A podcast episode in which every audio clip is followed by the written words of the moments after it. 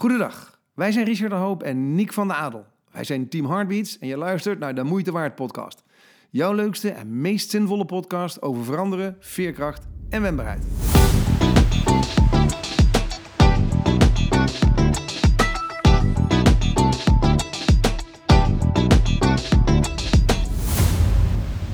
Dit is de Moeite Waard podcast met Richard de Hoop en mijn naam is Niek van den Adel. Deze week hebben wij Ferry Zandvliet te gast. Hij is overlever van een aanslag op Bad Lakan, op Bataclan. Ik zeg het constant verkeerd. Oftewel, hij is een bestseller-auteur, want in de eerste paar weken is zijn boek al in alle winkels uitverkocht. Beter naar Bataclan is de titel. Hij is in elke podcast, televisie, serie en interview, radio, waar het ook maar te vinden. Maar wij hebben hem deze week en we gaan het hebben over zijn onderwerp, veerkracht. Hoe weet je jezelf te hervinden als je zoiets meemaakt in die bekende datum die we allemaal nog kennen van de aanslag in Parijs? Hoe word je dan veerkrachtig en word je er misschien wel een gelukkiger mens van? Geniet ervan.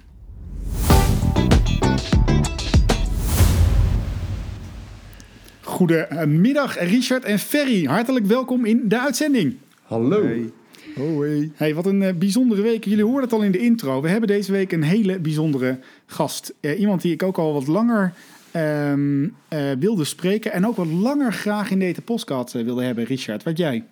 Ja, nee, absoluut. Ik bedoel, sowieso is het aantrekkelijk om zoveel mogelijk mensen uh, over hun veerkrachtervaringen te, te spreken. Maar ja, dit is wel uh, een hele bijzondere, omdat uh, Ferry en ik in ieder geval hetzelfde jaar delen. Ja, waarover, daar, daar wil ik later nog wel iets meer over weten. Want de toevalligheden bestaan geloof ik niet. Maar Ferry, allereerst welkom. Hè. Dat je überhaupt tijd hebt gevonden in deze tijd om bij ons in de podcast te komen, vind ik al uniek. Ja, vind je? nou, voor jullie maak ik natuurlijk even een momentje vrij, hè? Maar het is, het, het, het, het, is behoorlijk druk, ja, op het moment. Maar... Nou, in wat voor een bubbel leef jij momenteel? Ja, het, het, het, is, het, het, doet me soms een beetje denken aan die, die, die, die maand toen, tijdens die aanslag. Dat er zo veel dingen in je leven aan de hand zijn die je nog nooit hebt meegemaakt. Dat je een beetje van dag tot dag leeft en alleen maar van de ene verbazing in de andere verbazing rolt. En vooral heel erg wordt geleefd. Dat gevoel heb ik nu ook een klein beetje soms. Ja? Ja, voor, nou, het is nu een klein beetje gaan liggen, die media-aandacht. Maar dat is wel echt een uh, sneltrein waar je terechtkomt. En uh, dat je soms vergeet adem te halen. En en dan, uh, ja, het, is een maand van veel emoties, heel veel mooie dingen. Maar, uh, hè, hier zit hier ook een bestseller uh, schrijver zitten tegenover. Ja, hallo, hey, wel even, dames en heren, bam. En, je, staat, je, staat, gewoon onder Obama, hè? Ja, in, bij de Bruna geloof ik is dat, ja. Ja, bij de Bruna, man. Maar nu, nu al drie weken in, in die bestsellerlijst. Het is echt, ja, ziek. En het gaat dan een ja. beetje veel over Ferry soms ook. Hmm. Ja, je, je wordt al, alleen maar, ja, zoveel aandacht. En ineens overleed mijn vader twee weken geleden. Dus dan ja, is het ook wel even... Dus daarom zeg ik, doe me een beetje aan die Bataclan-tijd denken. Dat er zoveel aan de hand is. Ook heel veel minder leuke dingen, maar ook weer heel veel mooie dingen. Dat je brein het soms nog een beetje aan het uitzoeken is. Van wat vinden we hier nou eigenlijk van? Ja, daar krijg je bijna even geen tijd voor. Want dat is net als bij die klap, weet je wel. Je, hè? Dat je denkt van, wat, uh, wat gebeurt er allemaal? Het is een beetje een hokjes ook soms. Misschien ken je dat ja? ook wel. Dat je denkt, oké, mm. deze afspraak gaat nu even daarover. En ik, ik moest een lezing geven vorige week op een school. En die school wist dat mijn vader was overleden. Want ik, ik, had, ze, ik had eigenlijk een week daarvoor uh, die opdracht staan daar. En uh, ik kwam binnen. Op, we hadden dus een week verplaatst. En ik kwam binnen en die docent zei... Oh, gecondoleerd met je vader. zei ik, dank je. Maar dat wil ik niet af hebben nu. Zo van, nu lezing, okay. weet je wel? En ja, daar, ja. in de auto is, kan, kan ik weer aan mijn vader denken. En dat merk ja. ik nu ook een beetje. Ja, snap het. Ja volledig. Nou, en even ja, over, over hokjes denken gesproken, Ferry. Uh, want voor de lezer, of voor de lezer, voor de luisteraar die echt onder een steen heeft gelegen. Uh, de reden dat je natuurlijk van links naar rechts wordt geslagen is dat je boek beter naar Batlakan uh, Bataclan. Bataclan. Bataclan. We hadden er een weddenschap op. Ja, Ferry ja. die niet goed zou uitspreken. En we normaal. won! En hij heeft het zo vaak geoefend voordat we ja, begonnen echt, die luisteren. Ik heb het tien keer gezegd. Bataclan. Dataplank. Ja, Dataplank, weet ik. Nou goed, die dus. Die gaan we ook nog wel even aanraken. Maar die is natuurlijk, zeg ik het, twee weken geleden, drie weken geleden uitgekomen. 13 november. 13 november alweer. bijna een Dat, eh, maand dat, alweer, eh, ja. bijna een maand alweer. Eh, en wat, eh, nou ja, wat alle verwachtingen is overstegen. Je bent geloof ik in elk praatprogramma, elk radioprogramma en elke krant te zien eh, en te luisteren geweest de laatste weken. Nou ja, en, en toen vertelde je afgelopen week natuurlijk ook nog het nieuws inderdaad dat je, dat je vader is overleden. Dus voor degene die dat allemaal niet mee heeft gekregen, dat is dus de reden dat Ferry momenteel van links naar rechts wordt geslagen. Ehm, hey, om eens eh, bij het begin te beginnen, want we hebben nu een, eh, een bestseller auteur, een media, eh, nou ja, een man hier in de uitzending zitten. Nee, maar wat, ehm, je had al wel eens naar een, een podcast van ons geluisterd, vertelde je toen je net in het voorgesprek zat. Ehm, wat heb jij met het thema veerkracht überhaupt? Ik, ik, ik, vind, probeer soms een beetje bij hokjes termen ook weg te blijven. Maar Hmm. wat ik, ik ben er wel wat meer over na gaan denken. De, de laatste tijd natuurlijk ook. Ehm, ik ben het per ongeluk gaan ontwikkelen, ben ik eigenlijk achtergekomen. Ik wist niet dat ik het aan het ontwikkelen was. Tot ik, ik, ik was sowieso niet een veerkrachtig persoon. Want jullie hebben het er wel eens over dat sommige mensen dat van nature gewoon heel erg in hun hebben. Nou, ik niet. Ik was wel iemand die ehm, ehm, totaal niet veerkrachtig was. Als ik eh, tegenslagen lagen nooit aan mij. Ik dacht alleen maar in problemen. Eh, Feedback was altijd een aanval. En dat is eigenlijk hoe ik me het grootste gedeelte van mijn volwassen leven ehm, heb geleefd. En ik heb, spannend. ik heb mijzelf wel echt versteld doen staan. En ook mijn omgeving echt hoor. Eh, dat, ik zo, ja, dat ik zo herboren ben na die vrijdag de 13e in eh, 2015. Ja, dat was ook nog een vrijdag de 13e. Ik ben totaal Ja, niet bijgelovig hoor. Nee. En dus, dus ik ben heel erg terug gaan kijken van hoe kan het nou dat ik, dat ik zo'n positief gelukkig mens ben geworden? Want dat was ik daarvoor eigenlijk helemaal niet. En blijkbaar ben ik, heb ik in de loop der jaren, de afgelopen vier jaar, heb ik heel veel veerkracht ontwikkeld. Dus ik, ben, ik heb mijn boek ook heel veel over geschreven. Ik ben eigenlijk terug gaan kijken van wat heb ik dan eigenlijk gedaan? Want het ging bij mij, ik heb het wel natuurlijk ontwikkeld uiteindelijk. Maar Mhm. ik moet volgens mij een soort spiegel voorgehouden worden. Jij zei ook, niet laatst in een eh, interview, dat, of in een podcast geloof ik, eh, zei jij van... Dat jij, dat, dat jij door die donkere dagen zo goed heen bent gekomen, is dat je, om zoveel, omdat je zoveel mooie mensen om je heen had. En ik had zo een bak aan mooie mensen ineens om me heen. En ineens zag ik dat. Zo van, holy shit, wat, wat heb ik eigenlijk ineens een rijk leven. En dat maakt het gewoon, het hele proces, dat maakt het gewoon een stuk makkelijker. En Ha- Had je dan, zeg maar, diezelfde mensen, waren die dan voor die tijd er niet? Uh, sommige wel en sommige niet. Ik, ik, ik heb wel echt een paar hele bijzondere mensen ontmoet. wa- Waarvan een van de meest bijzondere is wel een mevrouw in Parijs. Die heeft mij, die heeft mij uh, toen ik de concertzaal uh, naar de aanslag uit was gerend, opgevangen in huis. En dat was op een moment dat ik niet wist of mijn vrienden nog leefden. Ik zat onder het bloed van andere mensen. Ik sprak de taal niet. Ik rende daar door die straten van Parijs. Echt volkomen hulpeloos. Mhm. En dan is er dus gewoon een wildvreemde vrouw. Die zegt van kom maar, ik, ik ga voor jou zorgen. En Ja. En dat heeft een soort zaadje bij mij geplant. Wat, wat ging groeien zonder dat ik dat doorhad. En Ja. ja, ik, ik, ben, ik ben ook nog bij fa- fa- familie van een van de terroristen thuis geweest. Ik ben er heel erg gaan verdiepen in wie waren die jongens nou die daar stonden te schieten. Ja. Dat is een tweede, daar kan, ik zo nog wel iets meer over, kan ik zo nog wel iets meer over vertellen hoor. Maar dat zijn al twee hele bijzondere eh, nieuwe mensen die ik nog steeds in mijn leven heb. Maar ook mijn, ik heb een heel rijk sociaal netwerk. En vroeger wel met heel veel mensen met de- dezelfde mindset als ik hoor. Want dat, heb ik ook wel hiervan geleerd. Dat hoe jij bent, of dat, hoe jouw so- sociale omgeving eruit ziet, is vaak een spiegel van wie jij bent. En ik had best wel positieve mensen om me heen, maar ook heel veel mensen die gewoon dezelfde mindset hadden als ik. En die mensen met die mooiere mindset, die ben ik wel veel meer op gaan zoeken, merk ik. Dat, maar dat is allemaal heel natuurlijk gegaan bij mij. Ja. Dat was niet dat Ja, ik... maar goed, dat is, dat is dus meteen ook een les voor veel luisteraars. Ehm, eh, Dames en heren, om- om- een tussentijdse tussentip van Ja, Richard de Komt u. Ding, ding, ding. Nee, nee, maar goed, dat is ook een van de dingen die ik van Niek heb geleerd hoor. Als het over dankbaarheid gaat. Dus, dus ehm, ook als er nog niks in je leven aan de hand is, om het zo maar even te zeggen. Toch gewoon eens te kijken naar de mensen om je heen die voor jou de moeite waard zijn. Die podcast Ja. heet ook niet voor niks zo.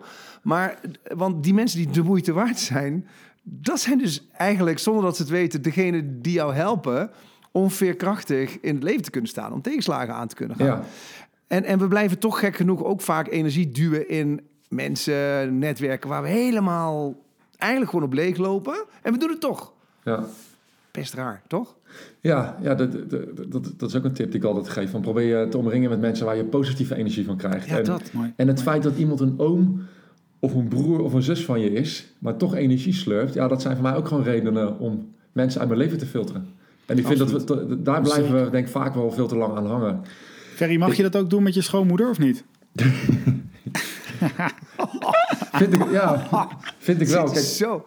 ik, ik, Hey, moet, je, moet je luisteren van de Adel. Als je geen schoonmoeder zou zijn geweest, was Kim er niet geweest. Ja? Hey, zo is dat. Dus zo je, is moet ergens, Ja, ja, ja. en ik snap dat het moeilijk is, maar ergens moet je toch ook dankbaar zijn. Kijk, kijk, er zijn verplichtingen waar we natuurlijk allemaal gewoon nooit onderuit komen. Maar mensen die mij alleen maar negatieve energie kosten... en die had ik in mijn leven... ja, die vind ik niet de moeite waard meer om tijd in te stoppen. Maar deed dat van tevoren dus nog wel?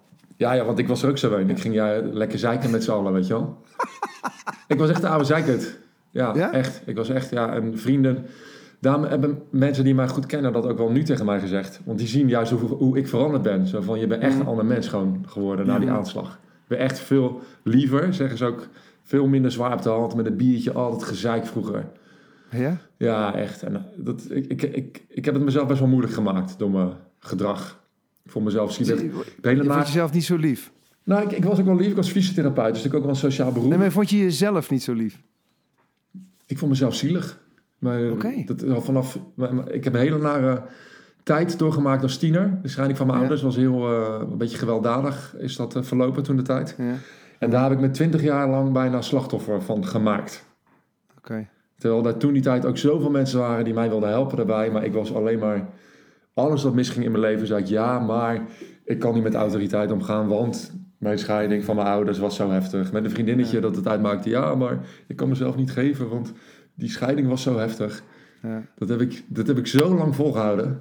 Maar dat, Ja. dat voelde je ook daadwerkelijk zo, Ferry?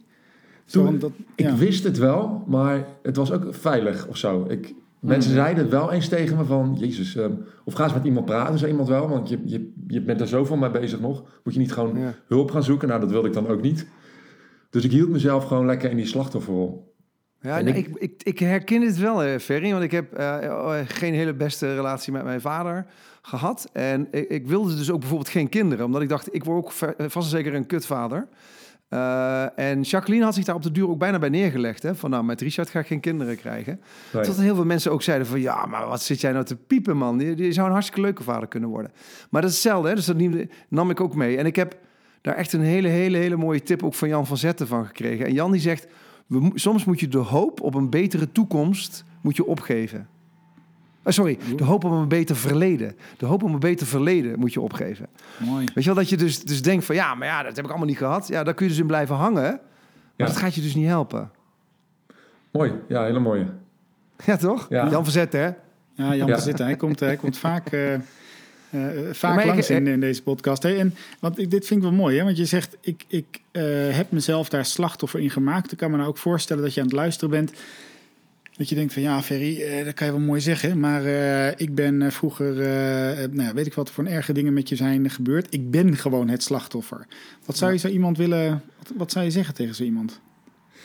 Nou, ik, ik, ik, ik spreek veel voor tieners ook, ook in de verslavingszorg. En dan krijg ik ook wel eens dit soort reacties van... ja, maar mijn vader die heeft iets gedaan. En dat is bij meisjes, weet je dan vaak... dat er misschien zo'n misbruik Ja. achter ligt.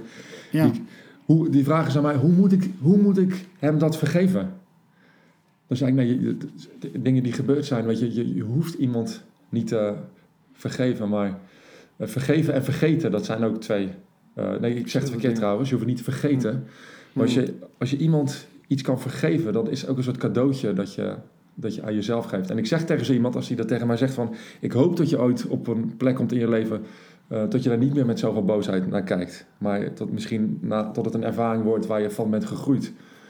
Maar jij bent de enige die dat voor elkaar kan krijgen. Zolang jij die muur om je heen niet kapot maakt, in die slachtofferrol blijft zitten, kom je ook gewoon niet vooruit in het leven. En ik was best een boos mannetje ten tijde van die aanslag. En bij mij, eh, we hadden natuurlijk ook. eh, Was het nou voordat we begonnen, Richard? Dat jij zei van. eh, wat er natuurlijk bij jou in je leven is gebeurd. Jij had geen daders. Ja, een vangrail Nee. of een. en bij mij waren er nog die- daders. Ik kan mezelf heel erg kunnen verliezen in boosheid naar die Ja. drie mannen. Maar toch heb ik ervoor gekozen om het niet te, doen, om dat niet te doen. Hmm. Eén, omdat ik, zei, ik had ze nooit te spreken kunnen krijgen, want ze zijn dood. Dus een antwoord op al mijn vragen ga ik nooit krijgen. En ik heb toch geleerd, en dat is natuurlijk wel een heel proces geweest, om het los te laten. Ik heb er geen Ja. invloed op, ik kan niet veranderen. Probeer het los te laten. Als Ja, maar nou, zeg- je zegt wel even een, een rijtje die je er even toe doet als je het mij vraagt, eh, Ver. Eh, want eh, ik kan me voorstellen dat heel veel mensen denken, ja, hoe dan? Maar, maar kan je daar iets over zeggen? Want jij liet het los, je hebt ze het vergeven, niet vergeven, maar je hebt ze niet kwalijk genomen. Nou, dat is ook niet waar. Ehm, maar maar hoe, wat heb je gedaan? Wat, heb jij, wat, wat was dat? Nee, ik, ehm, ik, ik vertel het al, ik ben een beetje per ongeluk een soort veerkracht gaan ontwikkelen. Ik kwam op een gegeven moment op een punt in mijn leven dat ik eigenlijk naar die avond keek en dat ik dacht, ik heb alleen maar mooie dingen gekregen. Ja. Na die 13 november. En ik zou niet zeggen dat ik die aanslagplegers dankbaar ben. Want dat kan ik natuurlijk nooit zeggen. Want die aanslagplegers hebben heel veel mensenlevens verwoest. Nog steeds natuurlijk. Ja, ja. Heel veel mensen overleden. Maar ik kwam op zo'n punt dat ik zag... Oké, ik, heb, ik heb die vrouw in Parijs in mijn leven. Ik, ik heb goed contact met die eh, familie van die aanslagplegers. Er zijn zulke levensverrijkende ervaringen geweest. Ook het gesprek met die vader van een van de terroristen... die, eh, die zijn kind absoluut niet als terrorist heeft opgevoed... en nu ook slachtoffer is geworden van deze Ja. avond. Ik kon dan, en ik leef nog hè. 89 mensen zijn naast mij doodgeschoten. Ik kon alleen maar heel erg gelukkig zijn en dankbaar voor het feit dat ik er nog was en de kans heb gekregen om al die mooie ervaringen te, te ondergaan. Dus ja, je, het, eh, het zijn ook moeilijke. Het, het is ook moeilijk om hier precies de vinger op te leggen van wat is nou echt in de kern wat ik zelf heb gedaan. Wat, wat vinden jullie als je hoort wat ik zeg? Dat, Nee, ik, ik hoor wel een paar dingen. Ik, Ik hoor, ook. ik, hoor die, ik hoor die dankbaarheid, dat is er eentje. Eh, ik hoor ook, eh, weet je, eh, je kan dus heel boos zijn, maar die dader is dood. Dat heeft dus geen zin meer. En eh, wat, wat ik ook hoor, is dat je dus, doordat je hele bijzondere, nieuwe, eh, warme mensen in je leven hebt gekregen, zoals, je, zoals je vrouw, waar je, daar hebben we dadelijk ook nog een surprise, hè? Jezus man, want misschien, misschien bevalt ze nu wel, hè? Het zou kunnen, dat is het enige die, die door mijn niet storen kan komen. Ja, nee, nee, precies. Nee, maar goed, ehm, ehm, dus, dus dat. Hè, dus je hebt ook plotseling, dat is de collateral damage, hè, zoals ze dan, eh, de, de collateral beauty noemen ze dit. Ehm, hè, wat, wat- de, de dingen die er dus bij zijn gekomen, ondanks het feit dat het droeve, droeve, droeve ellende was. Dus Nee. ik, ik hoor dankbaarheid en ik hoor Ja. die schoonheid ook. Ja, en. En, en ook wa- wat, wat, eh, wat ik jullie voor mij ook een keertje eerder horen zeggen, dat herkennen wij ook, ik, mijn vrienden en ik heel erg, is dat we die datum vieren, die 13 Ja. november. Ja. Dat, Ja. En dat geeft je ook wel echt een mooi cadeautje. En eh, ondanks dat, eh, dat er natuurlijk verschrikkelijke dingen zijn gebeurd op die dag, maar ik zie die dag wel voor mij als een soort, ja, klinkt een beetje zwevig hoor, maar een soort wedergeboorte bijna. De geboorte van de Ferry die een veel mooier leven heeft gekregen. Ja. Nou ja, zo gek is hij ook weer niet, Ferry. Want Nee. eh, in, het, in het gesprek wat ik met eh, Siet- eh, Jitske had, zegt Jitske... eh, omgaan met tegenslag is ehm, ervoor zorgen dat je buitengewone dingen gaat doen... eh, om, om weer een nieuw normaal te gaan krijgen. Dus je moet buitengewone dingen doen. En dat, dat heb je gedaan. Je hebt buitengewone dingen gedaan. En ik denk ook dat door mijn ehm, verleden als fysiotherapeut, ehm daar wordt natuurlijk ook eens een beroep gedaan op je coaching eh, skills. Ik wist al van mezelf, ik, ik was natuurlijk voor Bataclan ook, wel eens- ook wel eens gestrest, dat structuur en regelmaat en goed voor jezelf zorgen, dat heb ik jullie ook vaak horen zeggen, Ja. totdat je door moeilijke tijden heen haalt. En dat was ook echt mijn eerste stap na de aanslag van ik moet blijven sporten. Dat is iets Mhm. wat mijn brein en mijn lijf zoveel positieve energie geeft. Dus dat, dat, dat is beter dan welk Oxaanse pammetje ook dat je dan krijgt die beginperiode. En dat Nou goed, een- eh Ferry, goed voor jezelf zorgen. We, we, we hebben er niet alleen een podcast over opgenomen. Afgelopen week zaten wij natuurlijk in een call met zes andere sprekers over veerkracht. Waaronder onze eh, mooie eh, collega Michael Kortehaas. Die, Kortehaas die niet voor niets zei van... Hè, toen ik nog mariniers en politiemensen aan het trainen was... dan laat ik ze gewoon even twee nachten niet slapen... en dan kijk ik even hoe veerkrachtig ze ook alweer zijn. Dus goed slapen, ja, goed eten, goed sporten voor jezelf... maakt je ook een veel veerkrachtiger mens. En ik realiseerde me na, in één keer iets, jongens... toen we, toen we het hierover aan het... eh, ehm, toen jij net zei van... ja, Richard... Je had geen schuldige behalve dan de vangrail. Hè? Ik had een aantal mensen eh, die ik je schuldig voor kon achten. Toen dacht ik eventjes aan mezelf. Ik, kan het, ik heb het mezelf in het begin zelfs namelijk wel... eh, eh, heb ik mezelf te schuldigen. Dus jij had Ja, ja. het externe schuldige. Richard heeft geen... Ik, ik, ik kon heel boos zijn op mezelf. Omdat ik het nodig vond om natuurlijk ook nog een keer een, een alcoholische versnapering te nemen... voordat ik op die motorfiets ben gestapt. En toch eh, lukt het ons alle drie op wat voor manier dan ook om, om er op, een bijzondere twist aan te. Of een bijzondere twist, om onze eigen twist eraan te geven. Ja, Ehm, daar, daar moeten we voor, want ik weet dat jij dat ook hebt gedaan, Niek. Want eh, bijvoorbeeld, dat deed mij bijvoorbeeld heel veel pijn. Jacqueline zat naast Sanne toen het ongeluk gebeurde. Hm. Jacqueline weet van het ongeluk zelf gelukkig niets meer. Ehm, Maar heeft zichzelf enorm kwalijk genomen dat zij niet heeft gereden. Uh, en vond zichzelf, ja. dat was ongeveer na een jaar, een slechte moeder. En dan kun je dus honderd keer zeggen, dat duizend keer zeggen, een miljoen keer zeggen, dat is niet zo schat. Ja. Daar hebben we echt EMDR-therapie uh, uh, voor gehad. Omdat uh, een ander daglicht. Want dat merk ik ook, want ik, ja, volgens mij hebben jullie... Jij hebt ook EMDR gehad, hè, Ferry, ja. als ik me niet vergis. Ja, uh, Nick, jij ook. Dus je hebt soms ook echt hulp nodig. Dat is, dat, hè, dat is ook zo'n ding, hulp vragen. Omdat je anders dingen ook niet... Um, als we dat niet gedaan hadden...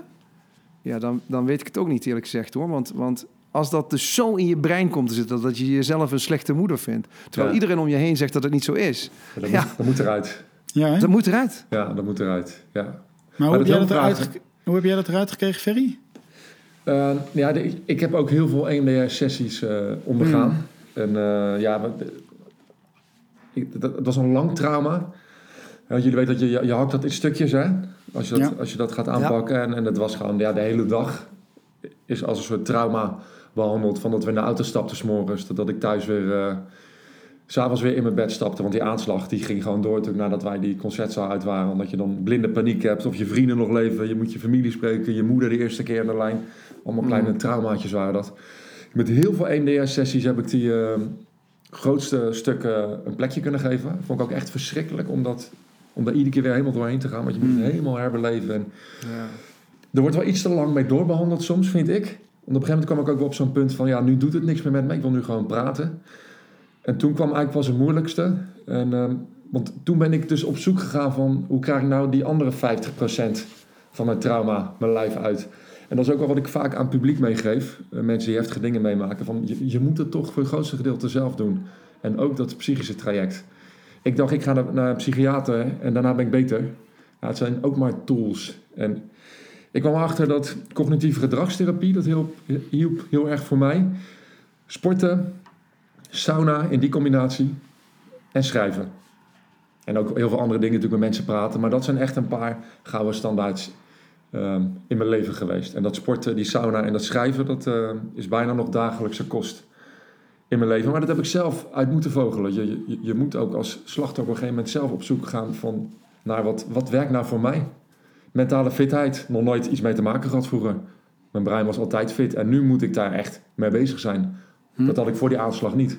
Ferry, in het begin van het gesprek noemde jij uh, nog even een zaadje wat die mevrouw in Parijs die jou op heeft gevangen na uh, dat je die, die aanslag hebt overleefd. Uh, je, ze, ze, je zei, ze plantte, ze plantte een zaadje in mijn hoofd, wat een hoofd voor mij betekent. Wat, wat was dat zaadje en waarom was het zo bepalend voor je? Nou, ik, ik, ik denk dat dat zaadje is geweest dat er in alles wat je meemaakt in je leven, tot er ook mooie dingen in te ontdekken zijn. En eigenlijk geldt dat wel voor alles wat je meemaakt. En dat is dan als ik terugkijk naar die avond. Natuurlijk verschrikkelijk. Ik heb mensen doodgeschoten zien worden. Weet je, dat zijn echt dingen die je natuurlijk nooit van je leven wil zien. En ook moeilijk, die je nooit meer je hoofd uitkrijgt. Maar twintig minuten na dat alles werd ik wel even overladen met een bak liefde door iemand die zich als een soort moeder over mij ontfermde. Hmm. En dat heb ik ook nu gezien. Laat ja, nu mijn vader overleden is twee weken geleden. Dan kom je ook weer zo een, een, vriend van vroeger tegen die je twintig jaar niet hebt gezien. Dat is eigenlijk ook weer een hele mooie dag. Maar um, dat zaadje wat zij bij mij heeft, heeft achtergelaten, dat is wat is gaan groeien, wat ik ook bij mijn publiek achter probeer te laten. Zij hebben een soort van spiegel voorgehouden. Zo van, kijk nou eens wat er allemaal van moois ook op je pad is gekomen. En ja, die mensen, dat zijn haar gezin, ook haar man en haar dochter, dat zijn een soort familie van mij geworden. En als ik nu aan die avond terugdenk, denk ik, heb ik meer mooie herinneringen gemaakt dan uh, niet. En dat is ook letterlijk echt waar, want ik heb langer bij haar op de bank gezeten thuis dan dat ik in die Bataclan ben geweest. Mm -hmm. En daar bij haar op de bank ben ik door allerlei emoties heen gegaan. Daar kwam ik erachter dat mijn vrienden nog leefden en met mijn moeder aan de telefoon. En daar is zij allemaal bij geweest. En zij zei op een gegeven moment ook van, ik ben niet iemand die heel erg huilerig is, vooral bij vreemden. Zo van, toen ik hoorde dat mijn vrienden nog leefden, ja, dat, ik, ik zat een beetje mijn tranen binnen te houden. Toen zei hij op een gegeven moment van, je mag best huilen hoor hier. Ja. Toen, toen, heb ik ook echt even zitten brullen met haar. Maar dat was ook omdat zij, zeg maar, de, die, die, het was veilig, weet je, om, om dat ja. ook te doen daar. En, maar voor haar, uh, pas recentelijk realiseerde ik me dat, dat zij natuurlijk ook gewoon een aanslag heeft meegemaakt. Ja. Waar waren ja. een soort van uh, lotgenoten. Kijk, ik was natuurlijk degene in de Bataclan die het heeft gezien. Bataclan, hè, Niek? Dankjewel. En, uh, maar Veronique was natuurlijk degene die haar stad onder vuur zag. Weet je, ja. Parijs waar ze al heel lang woont. En uh, ja. zij, kon, zij kon ook iets moois doen op die avond. Dus we hadden elkaar nodig die nacht. Zo kijkt hij eigenlijk naar op, op terug. En dat heeft gewoon, ja, het, het begin van mijn verzachting begon daar op die bank. Ja, ja en die, en die, die, die uh, begin van jouw verzachting en die verharding was dus eigenlijk dat je je ergens in je hoofd had ingeprent. Uh, ja, maar hè, die scheiding, uh, ik ben allemaal niet zielig en waarom ik, slachtoffer. En, ja, waarom ik, ja, ja, ja. Ja, en als je dan ook nog mensen om je heen hebt die dat ook allemaal versterken. Dat is dus blijkbaar wat we doen. Hè? We kunnen elkaar veerkrachtig versterken, maar we kunnen elkaar dus ook depressief de put inlullen. Eigenlijk is precies wat wij doen ook nu. Ja. Ja, dat, dat is wat mensen zouden moeten doen die, die met, met narigheid geconfronteerd worden. Hetgeen het, het moeilijke kan wel soms, soms wel eens zijn dat in, in, dat in die acute fase, en die kan soms natuurlijk, soms natuurlijk ook weken duren, dat je daar helemaal geen kracht voor hebt. Om nee, maar het, het, ik, als ik het goed begrijp, hè, dus in jouw acute fase was Veronique daar. Ja. In onze acute fase was bijvoorbeeld de eerste hier was politieagent Karin. Dat, ja. Die kan ik nog knuffelen. Uh, maar ook in het ziekenhuis waren een aantal mensen. En ook meteen daar kwamen uh, een aantal van onze vrienden. Die, die, alles uit hun hand laten vallen, hup, er naartoe. Dus je hebt dus wel een aantal van dat soort mensen nodig. Want hoe zat dat bij jou, Nick? Ja, ik kan mij nog, en mijn familie ook, nog heel goed de, in mijn eerste IC-verpleegkundige herinneren. Ja, ja. Uh, die dus mijn hele familie... Ik lag aan uh, duizend slangen in mijn hoop. werd natuurlijk in coma gehouden. En mijn hele familie kwam daar binnen. Um, en uh, die ben ik later ook nog op gaan zoeken. Ja. Um, en uh, dus, dus en dat, dat verhaal raakte me net ook wel van, van Ferry. Hè? Dus het moment dat je zo erg ergens niet goed wordt. Dat je, dat, je, dat je zo diep bent geraakt, op wat voor manier dan ook, dan kunnen mensen dus ook letterlijk wonderen verrichten in je leven. Door je uh, spreekwoordelijk dan wel echt even aan te raken. Ja, ja Bressers, natuurlijk, onze collega, zegt dat heel erg mooi met het Carlos-momentje uh, op de Vancouver. Uh, en da daar doet eigenlijk Veronique mij ook aan denken. En bij jou ook, Richard, de verhalen over, nou ja, ook over Ank bijvoorbeeld. Ja, hè? Ja, of absoluut. Ja. Ja. ja, wat mooi. Wat, uh, wat mooi. Hey, en en um, als je uh, dan eens wat, wat, wat verder kijkt, want ik hoor eigenlijk uh, Ferry, hè, dat, dat uh, je kan bijna met, met liefde, dankbaarheid terugkijken ook naar die dag. Richard zegt dan altijd mooi, hè, de aanslag heeft geen zin gehad, je hebt er wel zingeving ja. aan gegeven. Zingeving. wat zijn nou voor jou de, wat zijn nou voor jou echt, wat is hetgeen wat het jou het meest heeft opgeleverd? De, de, de die avond zelf. Ja. Ja, het, het, um, het besef dat eigenlijk alles wat er in mijn leven gebeurt, dat ik daar invloed op uit kan oefenen. Ja. Hm. Ja. En, dat, het grappige is dat je dat van tevoren dus blijkbaar niet deed, hè? Nooit. Ja, ja. Nee, ja. bijna nooit. Mm. Um, en nu, ja, ik, ik, ik, ik uh, voordat we begonnen had ik met Nietje even een kort gesprek over. Dat als er nu dingen in mijn leven gebeuren, dat ik soms bijna wel eens denk van... Oké, okay, ik heb er een slide erbij voor in mijn uh, presentatie. Want, want ik... Ik, ik, ik ga hier gewoon mee kunnen dealen. Uh, ja, de, de, is sinds die aanslag eigenlijk niks in mijn leven gebeurd meer dat me echt helemaal van de pad heeft uh, geblazen. Ja, die, ik, ik ben in een soort arbeidsconflict terechtgekomen. De, mm -hmm. dat, vond, dat was wel heel vervelend. En daar had ik mm -hmm. ook weinig positieve invloed op. Maar alles wat, wat er nu gebeurt in mijn leven, ik kijk gewoon nu echt in de spiegel. En ik stel mezelf de vraag van, joh, heb jij niet een aandeel? Waarom wordt diegene boos op jou? Ligt dat niet aan mm -hmm. jou misschien? In plaats van anderen de schuld te geven. En dan heb je echt een fijn leven, want dan is er bijna niks dat je van je sokken kan uh, stoten. En we leven natuurlijk wel soms een klein beetje in een lange tenenmaatschappij. En ja. ik was echt iemand die altijd op zijn teentjes getrapt was. en het is, dit is ook veel makkelijker. En aan jongeren probeer ik het ook wel eens mee te geven. Die worden natuurlijk ook snel, snel boos. Um, ja. Tieners vooral. Het kost echt zoveel energie om altijd boos te worden op de wereld en op iedereen. Het is echt veel relaxter om gewoon aardig te reageren vanuit met, met een positieve blik naar de wereld te kijken. Dat kost echt nul energie. Daar krijg je energie van zelfs. Ja. Dus dat is echt een levensles die ik heb geleerd. Ja. ja, en nou willen natuurlijk heel veel mensen willen altijd weten... hoe heb je dan die schakelaar? Ja. Hè? Want ja, uiteindelijk, ja, wat, waar zit die schakelaar dan? Of in ieder geval die schakelstandjes of zo. Ja, dit, uh, wat ik al zei, bij mij is het natuurlijk een soort... Uh, um, is het gaan groeien zonder dat ik daar echt erging had. En op een gegeven moment kwam ik op zo'n punt dat ik gewoon naar mijn leven keek. En ik dacht, mijn leven is echt fucking verrijkt gewoon. Sinds dat ik, ermee- ik heb alleen maar mooie dingen in mijn leven. En waarom ben ik nou altijd boos geworden? Nou, mijn omgeving moest het me wel vertellen. Van, joh, je bent echt veranderd. En toen voelde ik ook echt dat ik veranderd was. En toen dacht ik wel, zoals ik me nu voel en zoals mensen op mij reageren, dat wil ik niet meer kwijt. Nee. En toen ben ik erover na gaan denken van, waar komt het dan vandaan? Mhm. Ja, er was maar één antwoord. Ja, dat, dat kwam bij mezelf vandaan. Ja. Ik, ik, Ja. ik dacht wel, godver, waarom ben ik, was ik nou zo'gene die altijd boos werd? Dus kijk ook, dat zeg ik altijd tegen het publiek, kijk ook kritisch naar jezelf en naar je omgeving. Heb jij heel veel mensen om je heen die heel veel zeiken, heel veel in de slachtofferrol kruipen, dan is die kans best wel groot dat dat ook een onderdeel van jouw karakter is. Ik wil niet zeggen dat je een slecht mens bent, Nee. maar dat zijn gewoon dingen die eh, ja, vaak die, die, die, eh, in vervelende situaties kunnen brengen in het leven. Die je niet vooruit helpen. Mensen in de slachtofferrol. Dus kijk ook, durf kritisch naar jezelf te kijken. Ja. Ik heb, hebben, eh, samen met, eh met Niek eh, mag ik ook in de Speakers Club werken. En daar eh, leiden we dus eh, sprekers naar de next level. Hè, mensen die dus eh, professioneel wilden spreken. En eh, de laatste keer hebben we het daar ook over gehad om... eh, eh, weet je, als je een presentatie wil onthouden... dat je daar de, de Loki-methode voor hebt. Dus dat je dus in je hoofd allerlei kamers maakt...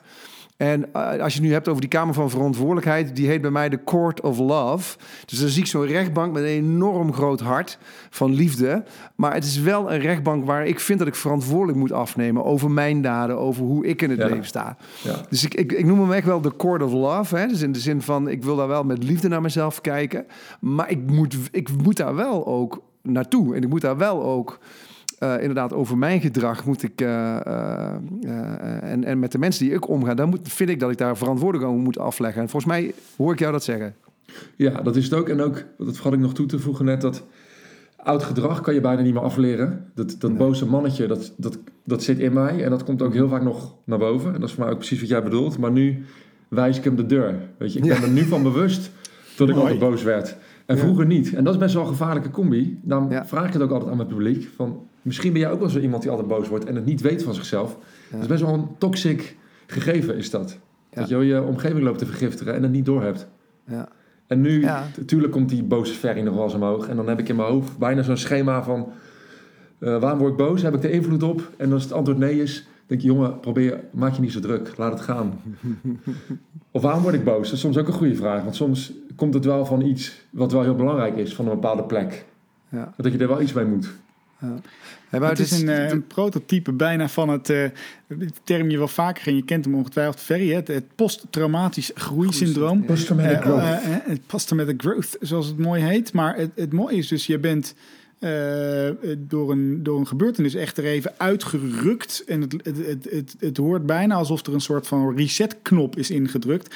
Die je wel actief hebt aangepakt. Hè? Dus je bent er, het is niet, we drukken maar even, act- we, we, we- we geven iemand een aanslag en daardoor heb je maar een gelukkig leven. Maar Nee. je hebt wel ergens op een resetknop kunnen drukken, waardoor je in één keer ander gedrag toe bent gaan passen. En dat vind ik zo intrigerend aan je verhaal. Ehm, ik, ik heb nog wel een vraag, want tegen de tijd dat wij dit gaan uitzenden, is er een hele goede kans eh, dat er bij jou een enorm klein hummeltje eh, rondhuppelt. Ja. En ik weet, eh, en misschien kan de, een meisje zelfs, kijk, ik denk, ik ga helemaal niks verklappen hier, maar een meisje. Ja. En ik kan eh, uit ervaring verklappen, en misschien hoort de aanwezige luisteraar dat wel, dat ik hier drie dames op de achtergrond beneden zitten te huppelen. Ehm, dat dat nogal een, eh, een impact heeft op je leven. Wat zou nou. Eh, is, er, is er een les die je hebt mogen leren waarvan je zegt dat is echt iets wat ik nu aan mijn kleine meisje mee wil gaan geven, eh, dankzij alles wat ik heb meegemaakt? Nou, nieuwsgierig. Nou, het, zijn best wel een beetje volwassen lessen die ik... Dat klinkt dan een beetje onaardig, maar nooit van mijn ouders heb geleerd eigenlijk. Dat je, dat, je, dat je het altijd bij jezelf moet zoeken eerst. Hmm. En eh, ik had ook niet zo'n hele... Ik hoorde het jou net ook zeggen, Richard. Ook niet zo'n hele goede band met mijn vader. Want dat slechte gedrag wat ik heel lang heb laten zien... dat heb ik van hem gekopieerd. En daar baalde ik op, toen ik daarachter kwam wel een beetje van. Dat ik dacht, jeetje, pap, had je me niet iets... eh eh, weerwaarde op kunnen voeden. Maar mijn vader is behoorlijk rechts en eh, tegen de wereld. Eh, Mhm. Stemde altijd op Wilders, hadden we altijd ruzie over ook. Nee, ik zou mijn kind echt leren van... ehm, kijk, zoek het eerst eens bij jezelf. Voordat je, voordat je in actie komt. Mhm, En mhm. ik- Mooi. Dat, dat- als ik dat, alleen die le- levenslessen had gehad, dan had mijn leven er zo anders uitgezien. Dat ik hier niet wat jullie vandaag gezeten. Dus, Nou, dat is wel heel jammer hoor. Dat Ja. je echt wel Hey, kansen gemist hebt. jammer zijn geweest. nou ja, en, en, Ja. En, en het is een beetje, het is een beetje Amerikaans, maar dream, dream big. Weet je wel, ik, Ja. En dat heb ik, ik. Ik was tot veel meer in staat dan dat ik ook wist van mezelf. Ik, Ja. Ehm, Ja, goed, maar je kan jezelf bijna niet kwalijk nemen. Hè? Als je dus inderdaad in die bozige Nee, eh, mindset zit, ja, dan is ook gewoon alles K, toch? En de wereld is gewoon tegen jou. Ja. ik had ook helemaal niet nog- door tot het een beetje bij mijn opvoeding vandaan kwam. Hmm. Maar nooit gerealiseerd eigenlijk tot ja, niet zo heel lang geleden. Ja. ja, bijzonder. Dus ik ga dat echt anders doen, zeg ik nu. Dat is mooi, hè? En dan zijn ze, zijn ze 18, dan zit jouw dochter aan de EMDR om alles wat papa heeft, eh, heeft gedaan in de jeugd. Mijn papa was zo ze- positief. Hey, ja. Die praten alles goed. Hè? Nou, dat, Eh. ik, had, ik had bijvoorbeeld... eh, eh, dat, is wel, dat is wel grappig, Ver, maar dat, dat, dat, Niek kent dat ook. Ehm, als je kinderen hebt... Kijk, wij, wij vinden van onszelf dat we hele bijzondere dingen doen. Hè? Dan staan we op zo'n podium te springen... en heel veel mensen die dan eh, onder de indruk raken. En dan kom je thuis en die kids hebben dan zoiets van... Ja, je bent gewoon Lekker papa. boeiend. Hoe boeiend is dit nou? Dus Sanne en had samen ook met... met Jacques en met Jor. Vooral Sanne was daar heel goed in. Eh, ik was in die tijd was ik in Duitsland een behoorlijk reizende ster. Weet je, ongeveer hetzelfde wat jij nu op dit moment meemaakt. Televisieprogramma en... en als we dan terugkwamen, had zij samen met Jacqueline... had zij hou Richard met beide benen op de grondstichting hadden ze opgericht. Dus als ik dan hier thuis kwam... dan leek het oh, belangrijk te doen dat hun zoiets hadden. Nou, doe maar normaal, jongen. Zorg maar zijn- eens even dat de vuilnis buiten komt staan. Die zijn echt belangrijk in je leven, dat soort mensen. Ja. Ja, zeer, zeer, zeer, zeer, zeer. Die heb je, die heb je nodig, want je kan... Maar de- soms is het ook wel eens... de- niet dat je er dan van de daken moet schreeuwen... maar ja, dat weten jullie ook. Soms maak je toch dingen mee als spreker... dat je denkt... Ja, Wauw, fucking dit- awesome. De mensen die, waar ik om geef, die hadden dit echt moeten zien, dit. Ja. Dit mooie, dit wat iemand nu met mij deelt. Le- mensen die heel hun hart voor je voeten gooien. En soms, soms zo mooi. Soms, ja, ik sta wel eens met tranen in mijn ogen iemand te knuffelen. Dat mis ik ook echt nu. Ja, Dus ja ik, ik, heb van die familie in Den Haag en die luisteren hier niet aan, dus dat kan ik sowieso zeggen. Maar die, die zijn echt zo ontzettend nuchter. Die Ja. dan, oh, je hebt, eh, hoe is het met je boek? Ja, ik zeg, nou ja, bestseller. Oh, lekker toch? Lekker toch? Om. Ja, laten we het normaal doen. Ja, dat is echt. ja, de- deze mensen, daar hou ik van, weet je wel. Ja, is Ja, ook wel nou, ik belangrijk. denk dat, ik denk dat het voor ons, voor ons allen, maar ook voor alle collega's, sprekers of, of schrijvers die dit dan maar horen, heel belangrijk is dat we ons blijven omringen met dit soort mensen Ja. in, eh, in, in onze omgeving. Anders gaan we nog denken dat we eh, Iets dat voorstellen. we, eh, ja, Ja. iets voorstellen dan wel voor. recht op de waarheid hebben. Ehm, hey, ik heb eh, eh, eh, enorm genoten, Ferry, van dit gesprek Absoluut. nu al. Heel leuk. En ehm, ehm, ik- wat, ik, ehm, wa- wat ik echt een hele knappe en mooie vind, is hoe je bij jezelf kijkt en eh, eh, eh, jezelf mooi in de spiegel kan aankijken. En daarmee ook wel, ehm, nou ja, eh, een nieuwe, nieuwe werkelijkheid voor jezelf hebt geschapen. Eh, ondanks alles wat je is overkomen, of misschien wel dankzij alles wat je hebt overkomen. Ja, zeker.